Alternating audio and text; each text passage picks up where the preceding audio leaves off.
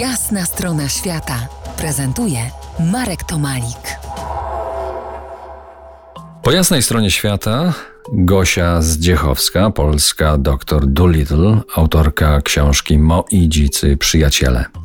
Z Ameryki Południowej, z Boliwii przenieśmy się do Afryki, do RPA. Tam zostałaś mamą, no taką chwilową, nosorożca, podobno nawet z nim spałaś.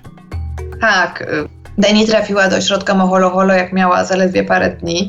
Została znaleziona bez mamy. Mm, Prawdopodobnie parę nocy spędziła sama, bo trafiła do ośrodka z zapaleniem płuc. Jak ja przyjechałam, to ona miała około 6 tygodni i ważyła 100 kg, więc to był y, największy z moich maluszków, którymi się opiekowałam. A jednocześnie no, no była maleńka i no jak to dziecko, tylko dziecko 100 kilogramowe, no to sobie wyobraźmy. Ona miała ogromną traumę właśnie prawdopodobnie po utracie mamy i bała się zostawać sama. Ona nie była w stanie nawet pięciu minut sama zostać, bo szalała po prostu. Tak więc y, ja i druga mama z zastępcza byłyśmy z nią po dwie doby. Jedna 48 godzin niemalże bez przerwy i potem zmiana druga. I znowu pierwsza dwa dni i druga dwie doby. Zmieniałyśmy się tylko w ciągu tych 48 godzin. Ta druga, która nie miała dyżuru, przychodziła zmienić, żeby ta, która ma dyżur, mogła pójść zjeść kolację, wykąpać się, przygotować na noc, no bo spałyśmy z Deni w klinice na materacu. A tak, no to śniadanie, obiad jadłyśmy będąc z Deni. Jak trzeba było pójść do toalety, no to albo z Deni, albo właśnie jak była druga mama, to, to na chwilę mogła zastąpić tą, która miała teraz dyżur, bo w zasadzie tylko my dwie mogłyśmy się nią opiekować. Ja też y, porcjowałam mleko, y, Potem ta, która miała dyżur, robiła mleko, karmiłyśmy ją y, na początku 6 razy dziennie, potem 5 razy dziennie, czyli też w nocy wstawałyśmy, żeby ją nakarmić.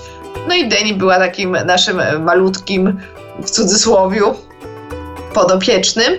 No i z nią właśnie spałyśmy, chodziłyśmy na kąpiele błotne, bo nosorożec musi się wykąpać w błocie, żeby skóry nie poparzyć. Wszystkie te zadania, które mama z nią robi, my robiłyśmy, przystosowywałyśmy ją do życia na wolności, biegałyśmy z nią po ośrodku, chodziłyśmy na spacery poza teren ośrodka, ale też ogrodzony i należący do tego właściciela tak, żeby po prostu Deni potem mogła y, zostać wypuszczona na wolność, bo ona jak dorośnie nosorożec przez 16 miesięcy pije mleko, więc ona nawet do dwóch lat będzie y, w tym ośrodku, natomiast potem zostanie wypuszczona na wolność.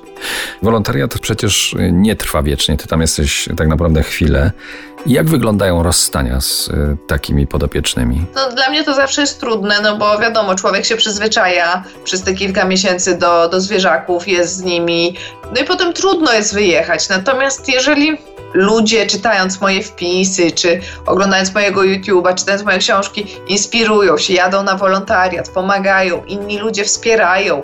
Czyli to, że ja jeżdżę i poza tym, no, no tak jak w przypadku Takusia, o którym wcześniej mówiłam, Ando Niedźwiedziu okularowym, gdzie de facto ratuje jakieś życie i, i co jest chyba najważniejsze w tym wszystkim, no to też jestem taką kulą napędową, że też inni ludzie dowiadują się o tych ośrodkach i, i wspomagają.